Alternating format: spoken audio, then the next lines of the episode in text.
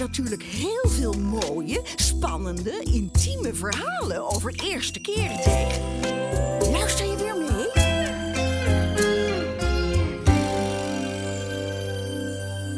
Ik was volgens mij, was ik echt zo ongeveer tien jaar of zo toen ik een natte droom kreeg. Het, het zou iets, ik zou iets ouder kunnen zijn, iets jonger. Maar ik denk dat rond die tijd, zeg maar. Wanneer je echt zo net voordat je echt bewust de puberteit ingaat, zeg maar. Dan gebeurt het al. Uh, ja, ik wist wel dat het kon gebeuren, want ik zat met best wel uh, stoute mensen in de klas. Dus die, uh, die hebben het daar natuurlijk de hele over. Maar ik, voor mij was het wel iets nieuws, zeg maar. Want ik, had, ik, zat niet, ik was niet daarmee bezig zelf. Het, was, het, gebeurde gewoon, het gebeurde gewoon uit het niets eigenlijk. toen ik mijn eerste natte droom had, was, ik in mijn, was ik in mijn eigen kamer gelukkig. ik was, mijn broertje sliep onder me, want we hebben een stapelbed. En het was voor mij niet eens echt zo'n overdreven seksuele droom of zo. Ik was meer zo van, ik heb, ik heb niet door wat er gebeurt. Uh, ja, je voelt het wel. Je voelt wel. Ja, als je klaar komt, dan voel je natuurlijk goed. En dat gebeurt ook gewoon als je droomt. Dus dat uh, heb je wel, ja.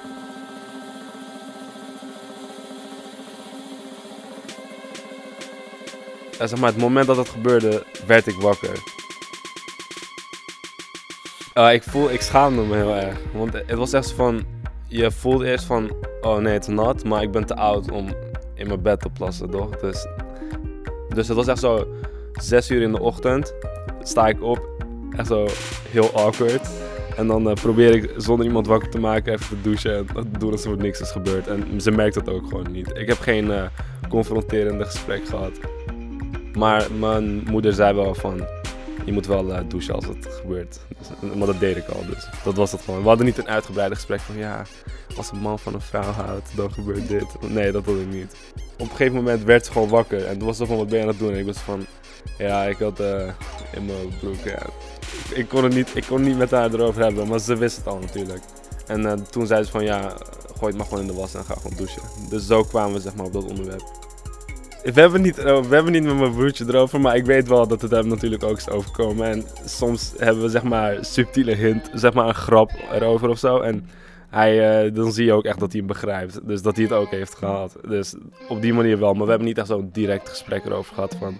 Ja, is het ook bij jou gebeurd? nee, dat hadden we niet. Wil je meer verhalen horen? Kijk dan op de drcollyshow.nl